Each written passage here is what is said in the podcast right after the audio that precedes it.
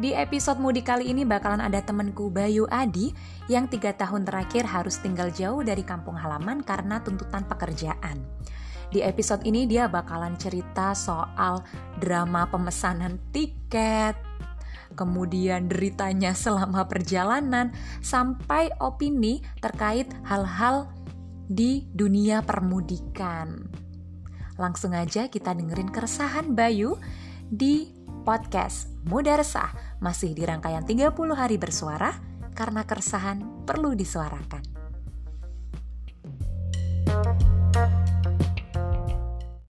Oke, hai Bay, apa kabar? Halo, uh, baik Vin.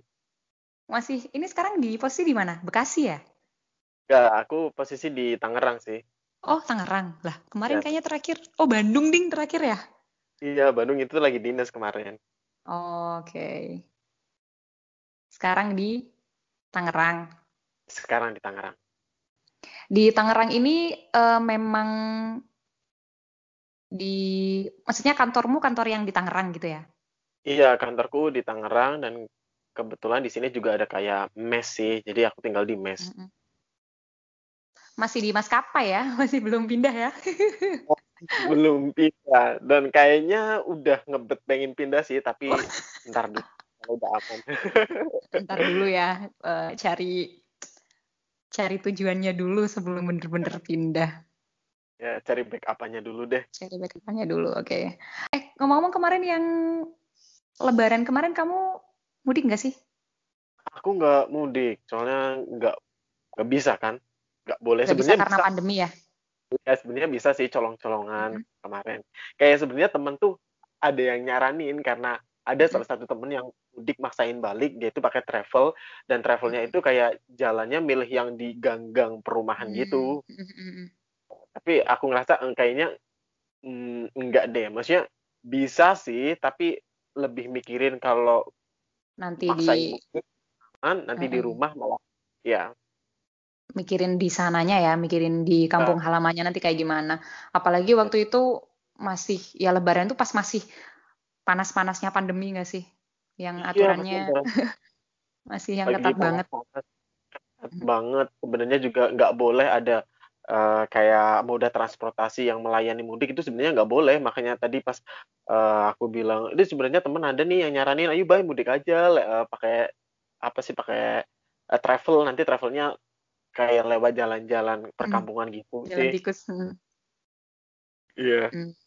tapi akhirnya malah uh, kamu memutuskan untuk mending nggak usah aja gitu iya mending nggak usah aja Oke, selama merantau, selama ya di dunia karir ini, kamu selalu mudik nggak sih? Atau kemarin ini karena pandemi baru pertama kali kamu nggak pulang? Aku setahun biasanya mudik tiga kali sih, atau maksimal oh, empat kali deh, ya empat kali. Dan emang kayak wajib gitu sih kalau dalam setahun itu wajib uh, mudik meskipun itu nggak di tahun baru. Ah, apa maksudnya lebaran gitu. Oh. Oke. Okay. Berarti kalau buat kamu mudik itu harus ya, apalagi di momen oh. lebaran tuh kayak wajib gitu.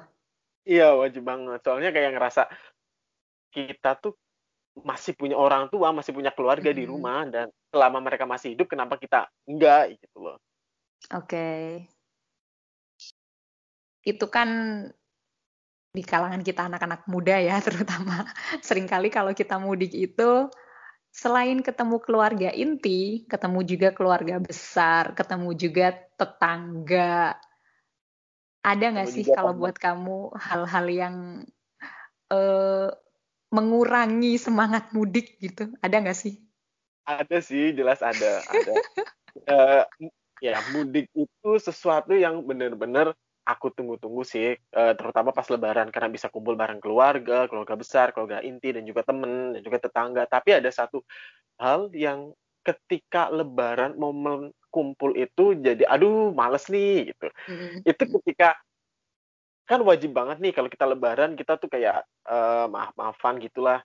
Mm-hmm. Itu ibu itu selalu nangis kalau pas lagi kita kayak sungkeman maaf-maafan oh, gitu. Iya.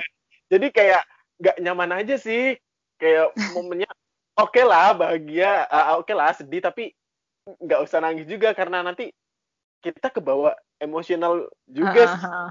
Ya, itu terjadi di aku juga sih terjadi di aku juga sih selalu iya selalu. Itu nggak cuma ibu kadang juga uh, nenek juga gitu. Pasti kalau lagi maafan aku kalau lagi sungkeman pasti dia kayak nangis gitu. Aduh nggak enak banget sih. Kayak kalau di kitanya momen akan sungkem jadi kayak awkward gitu gak sih? Ya gak iya, sih jadi, jadi kita antara seneng tapi aduh aduh habis ini ada momen-momen klimaksnya nih kayak gitu. Iya. Dan ada lagi sih kalau sebenarnya kalau pas uh, ketemu keluarga atau momen kumpul bareng keluarga karena aku kan udah tiga tahun di sini. Mm-hmm. Itu yang paling bikin males ketika ketemu teman-teman mudik kan itu kayak wajib ya kalau kita aduh mudik nih yuk ketemu kumpul di mana gitu entah itu teman SMP atau teman SMA hmm. itu yang paling nggak enak itu ketika ditanyain eh kapan nih nikah kapan nih bawa mobil itu enak banget sih udah tiga tahun gitu udah iya. punya karir yang bagus masa cuman karir terus yang dipikirin gitu ya iya. klasik sih klasik sih Iya. Karena ya mudik itu menurut kamu sakral, meskipun dengan ada beberapa hal yang bikin kamu nggak nyaman. Jadi setelah mudik, setelah mudik ketemu keluarga, meskipun nanti ketemu tetangga ditanyain, ketemu teman ditanyain. Jadi kalau bisa disimpulkan ya, mudik itu sebagai tempat kamu pulang untuk mendapatkan energi baru atau justru mudik kamu dapat tekanan batin? uh, jelas dong uh, opsi yang pertama lah uh, okay. ketika kita mudik kayak kita dapat energi baru yang benar-benar kita nggak dapetin selama kita merantau kayak hmm, misalkan okay. uh, biasanya kita aku sih biasanya kalau nggak mudik itu sekitar tiga bulan atau empat bulan itu kayak jenuh banget sama suasana kantor kayak hmm, capek sih hmm. kantor balik tidur dengan rutinitas yang sama ketemu orang-orang itu juga itu dan kayak ada apalagi kalau pas misalkan kita capek banget nih kadang-kadang aduh butuh nih keluarga gitu karena aku sih ngerasa ketika kita capek kita ketemu keluarga itu kayak capek kita jadi hilang sih gitu. hmm. jadi kayak Meskipun. aku ngerasa eh hmm. Iya, jadi kayak ngerasa kalau mudik itu kayak eh dapat energi baru nih. Bahkan ketika sebelum misalkan udah seminggu sebelum mudik itu kayak udah pikiran sama raga, pikiran sama raga itu kayak udah bisa gitu raga. Iya, Mas ya raganya itu masih di sini masih di Tangerang tapi kiranya udah di rumah gitu loh karena ngerasa excited uh. banget balik pengen ketemu sama keluarga. Oh, Oke, okay.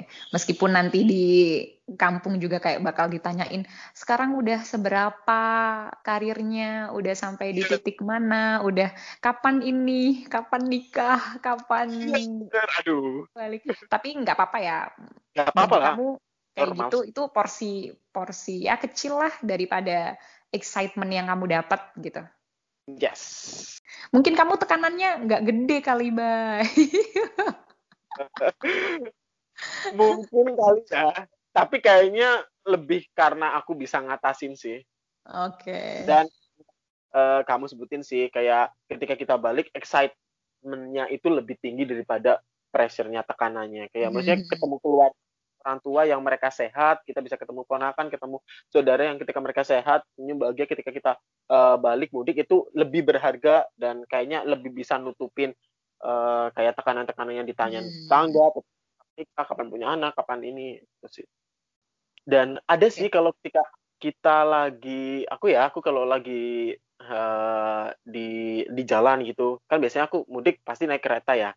Itu hmm. enggak itu ada orang-orang yang naik kereta itu bawa barang bawaannya itu banyak banget kayak hmm. Kayak kemarin sebenarnya nggak nggak pas lebaran sih kayak kemarin pas bulan November itu aku uh, balik aku mudik itu ada yang bawa kayak beras beberapa karung sama kardus gede banget dan itu ngalangin jalan sih Hmm. nggak enaknya itu sih. Jadi ketika kita mau modal-modal mau ke toilet atau apa itu jadi susah gitu. Apalagi pas lebaran. Aduh, lebaran itu banyak banget yang bawa kayak uh, karung hmm. apa dari kota dibawa balik ke kampung itu bawa kardus itu banyak dan itu jadi tambah apa sih? Bikin ya, nggak menyamankan penumpang lain. Iya benar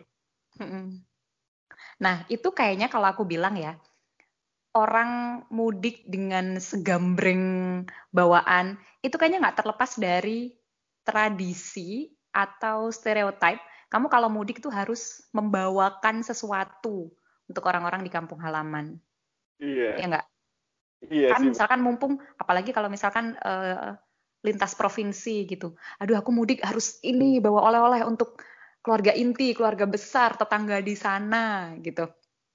Itu iya. yang masih jadi apa ya peraturan tidak tertulis kalau kamu mudik kamu harus bring something iya. nggak berfaedah mudikmu kalau nggak bawa oleh-oleh apa dari tempat rantau khas di sana apa nah kalau kamu sendiri kamu mengikuti aturan tidak tertulis ini nggak sih uh, sebenarnya mengikuti nggak mengikuti sih kayak okay. biasanya sebelum mudik itu ya seminggu atau beberapa minggu sebelum mudik biasanya uh, kakak atau mungkin ibu di rumah udah eh bawain ini dong pengen makan ini nih gitu mm-hmm. nah, kayak misalkan kayak mudik dua tahun lalu kayaknya uh, pengen kue apa gitu ya udah aku bawa tapi ya cuma sekedarnya aja uh, dan nggak bawa yang seabrek-abrek bener-bener apa sih oleh-oleh yang ada di kota dibawa ke kamu biar mm. orang mau pernah makan sebenarnya enggak sih kebetulan yeah. ya tipe orangnya ketika uh, mudik terus balik lagi ke uh, ke kota gitu biasanya sama ibu tuh di dibawain oleh-oleh apa gitu yang dari kampung biar teman-teman yang di kantor di kota juga saya eh kadang aku enggak lah enggak gitu. Karena Ih, bener bener karena rempong sih. Iya iya iya bener apalagi kita biasanya kalau kayak gitu tuh orang-orang yang bapak ibu gitu ya pulang kampung harus bawa banyak ntar juga dari orang tua balik ke rantau dibawain banyak. Tapi kalau kita yang anak-anak muda aku pun juga sering kayak debat sama orang tua ketika dibawa banyak aduh nggak usah nggak usah nggak apa-apa ntar dikasih temen yang di sana. Aduh nggak usah aku males repot di jalan gak ada yang bantuin gitu. Iya apa sih? Iya kan? Kalau ngomongin mudik ya, kalau ngomongin mudik itu aku pernah ada pengalaman mudik yang paling paling berkesan.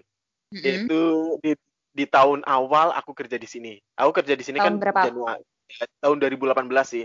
Ah. Tahun Kamu kerja di mana? Boleh disebutkan? Ada? Aku kerja di salah satu maskapai penerbangan di Indonesia sih. Uh. Oke. Okay. Enggak enggak harus spesifik kan ya? Ya, enggak terserah. Senyamanmu ya, aja. Salah, ya, salah satu uh, maskapai uh, di Indonesia sih. Okay. Yang lumayan gede juga dan hmm. itu di awal uh, di awal tahun itu tahun pertama tahun 2018 itu benar-benar aku baru tahu yang namanya mudik karena baru pertama kali ya dan benar-benar sebelum mudik itu aku benar-benar cari info ke teman-teman yang udah pernah mudik sebelumnya apa naik kereta atau naik uh, bus hmm. uh, di pas waktu itu kan kalau hmm. kita mau naik kereta mudik itu harus pesen uh, ha Hamin tiga puluh tiga bulan, Hamin tiga bulan ya. Hah? Hamin tiga bulan. bulan ya, supaya dapat harga normal kan? Ya, 90 hari. Dan itu hmm. kebetulan pas uh, aku kan udah nentuin nih di tahun 2015 udah nentuin nih ah tanggal ini nih balik nih uh, tanggal ini hmm. buat mudik. Uh, dan kebetulan pas Hamin 90 hari itu aku lagi dinas di Batam nih. Aku lagi dinas di hmm. Batam. Hmm. Uh, karena aku tahu kalau booking kereta itu harus kayak jam 0001 itu kita harus tank. Mm-hmm. Bener-bener dengan penumpang lain kan dan karena itu buset kayak ibaratnya kita kalah satu menit aja biasanya udah habis sih gitu. Iya iya iya. 2018 uh, pas aku lagi di Batam, aku stay di aku uh, stay di kayak di hotel gitu dan itu di situ kebetulan koneksinya itu nggak bagus. Oke. Okay. ya. Dan aku itu kayak udah deh uh, karena aku udah nyoba dari jam uh, bakal koneksinya ini nggak nggak bagus bakalan trouble banget ya udah aku paksain jam sekitar jam 11 aku keluar aku jalan ke Indomaret itu sekitar uh, satu atau dua kilo aku jalan ke Indomaret uh, aku hmm. cari sinyal yang bagus sana dan pas di sana kayak uh, udah jam setengah dua belas aku malam. udah standby okay. iya tengah malam tengah malam uh, sampai di sana uh, sekitar udah hampir jam 12 aku udah standby uh, HP udah standby juga aplikasinya waktu itu aku pakai KAI Akses uh, dan udah pas lagi 00 01 udah deh aku langsung masuk aku langsung booking aku uh, cari ternyata itu nggak bisa terus uh, hmm. gagal terus gagal gagal gagal terus koneksi hmm. terputus koneksi error. Dan akhirnya sampai aku nyoba sampai setengah satu itu tetap koneksi error. Dan kayaknya tepat di sekitar setengah satu lebih lima menitan lah. Uh, uh, jam 12 lebih 35 menit itu bisa masuk. Ternyata bisa masuk udah tiketnya kejual semua. Semua. Itu kayak perjuangan banget. Malam ke Indomaret buat dapetin tiket yeah, kereta yeah, biar bisa yeah. dari jam 12 dari 0001 itu terus gagal koneksi error terputus di setengah satu bisa tapi semua tiket udah kejual. Itu kalau di dunia nyata kayak antri panjang udah nyampe depan loket mohon maaf mas sudah habis gitu. Itu kesel banget sih kesel banget. Uh, tapi akhirnya uh, biasanya kan kalau mudik itu di Lebaran itu kan kayak ada kereta tambahan ya. Uh, tambahan gerbong. Uh, bukan gerbong sih itu benar-benar kayak tambahan oh, kereta. Tambahan kereta ya. Iya, tambahan kereta. Jadi kayak uh, sehabis aku nggak dapet tiket itu kan aku kayak uh, ngubungin teman-teman eh, ini gimana nih? Nggak dapet nih. Nggak dapet nih gitu. Akhirnya ada salah satu temen yang nyaranin nggak apa-apa kok santai aja. Nanti biasanya di Hamin 30 itu ada kereta tambahan itu ada kereta tambahan. Dan kebetulan oke okay lah aku nunggu sampai Hamin 30 uh, eh, sama juga uh, aku setting alarm juga jam 0001 00 dan akhirnya sama juga sih sempat beberapa kali error koneksi bermasalah terputus. Tapi akhirnya sekitar uh, setelah aku coba lagi coba lagi di sekitar jam setengah duaan akhirnya aku dapat sih. Ya itu keresahan yang benar-benar mengganggu banget pas lagi pemesanan atau pembelian tiket uh, moda transportasi buat mudik karena aku pakai kereta ya. Itu ya itu uh, masalah kayak kan kita pakai KAI akses ya. Nggak tahu entah itu aplikasinya servernya down atau mungkin karena uh, bandwidthnya nggak tahu ya. Itu susah banget buat masuk. Ya susah banget buat masuk dan kadang-kadang ya itu kita udah nungguin setengah jam tapi ternyata nggak dapat setelah setengah jam tiketnya habis. Dan ketika aku hmm. pernah cek ya uh, cross check sama temen pas aku lagi uh, ya aku nggak dapet uh, tiket mudik nih gitu terus temen nyaranin coba beli aja ke ini aku punya kenalan dan itu kayak calo, calo. sih hmm. dan itu bikin gak nyaman itu bisa nggak sih kayak mungkin nggak hmm. sih kayaknya ketika yang pas orang orang-orang tuh di di jam kayak pemesan yang lagi sibuk banget jam 0001 itu mereka calo juga kayak uh, ikut beli tiket eh, gitu ikut beli tiket buat kembali kayaknya mungkin bang soalnya pas aku yeah, cerita yeah, yeah. Dapet tiket nih temen nyaranin oh ke ini aja nih tiket nanti nambahin seratus ribu hmm, aku mm. sanksinya di situ sih mm -hmm. kayaknya yeah, yeah, bener yeah. jadi masih ada sistem yang uh, kurang bersih gitu iya uh, uh, itu sih Oke, okay, karena kamu kan kebetulan uh, kerjanya di layanan transportasi gitu ya. Ya. Kalau ketika musim mudik itu sebenarnya kayak staff pegawai itu dapat ini enggak sih? Apa ya? Entah dapat diskon dari perusahaan atau dapat nggak tahu slot atau kayak gitu. Misalkan ada penerbangan yang melayani yang rutenya itu sama kayak yang dibutuhin pegawainya, staffnya, itu mereka dapat ini gak sih? Uh, privilege untuk bisa menikmati layanan perusahaannya mereka ketika momen mudik, ada nggak? Uh, Sebenarnya kalau nggak mudik pun di sini semua staff itu nggak semua staff sih kebanyakan itu kayak udah dapat kayak FOC sih namanya free of charge. Hmm. Uh, kalau yang di staff operasional dapat juga sih mereka FOC. Jadi kayak uh, kalau misalkan mau mudik mereka boleh bawa keluarga inti. Tapi kebetulan karena aku itu nggak di uh, di operasional atau nggak di lapangan langsung engineer satu mekanik jadi aku nggak dapat tapi tetap masih bisa dapat sekitar 30% uh, potongan off diskon buat hmm. hari kita ya itu ngajuin dulu ke HRD biar bisa okay. dapat tapi tapi ya itu mungkin karena uh, teman-teman di operasional sama di lapangan karena mereka nggak bisa mudik kali ya pas waktu-waktu jadi kayak oke okay deh mereka dikasih gratis gitu buat digunain uh, H plus berapa gitu hmm, jadinya di H plus ya ya biar nggak angus juga itu tapi kayak di selama setahun dapat itu sekali atau berapa kali atau gimana? Iya, kalau setahun dapat sekali sih. Dapat Mhm, sekali mhm. tiket. mm-mm. Dan bisa diambil kapan pun gitu, nggak harus Bisa. di musim mudik Lebaran. Iya, bisa diambil kapan pun. Oh, Oke. Dan bisa bawa keluarga inti kayak misalkan kalau yang belum nikah bisa boleh bawa ibu, bapak sama adik. Kalau yang udah nikah boleh istri sama anak. Hmm, untuk pakai layanan maskapai ya. Oke. Nah, karena kamu ada di maskapai nih ya, kerjamu ada di Iya. maskapai. Aku pengen tahu ini sih, gimana kondisi di balik layarnya, di balik meja penyedia layanan gitu. Kalau udah musim Lebaran tuh kayak gimana kalau di kalian? Eh, Apa yang karena terjadi? Heeh.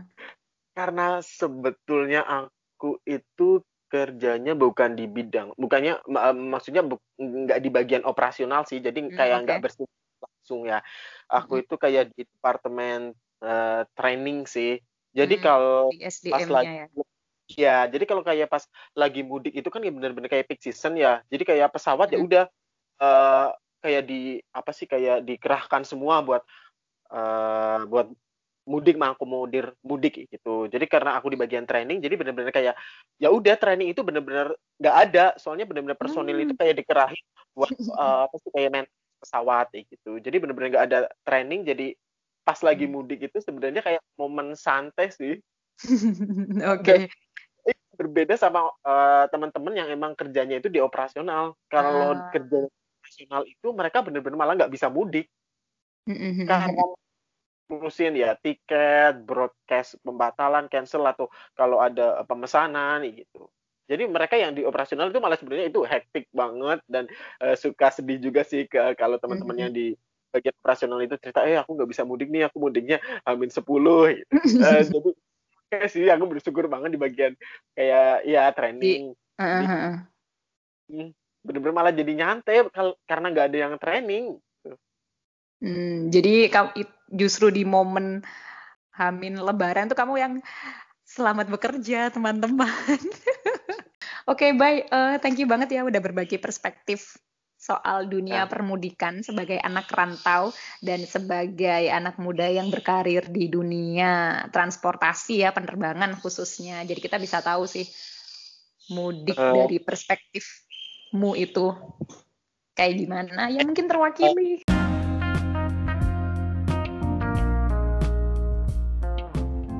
Thank you Bayu, kita ketemu lagi di podcast episode berikutnya masih di Mudah Resah. Karena keresahan perlu disuarakan.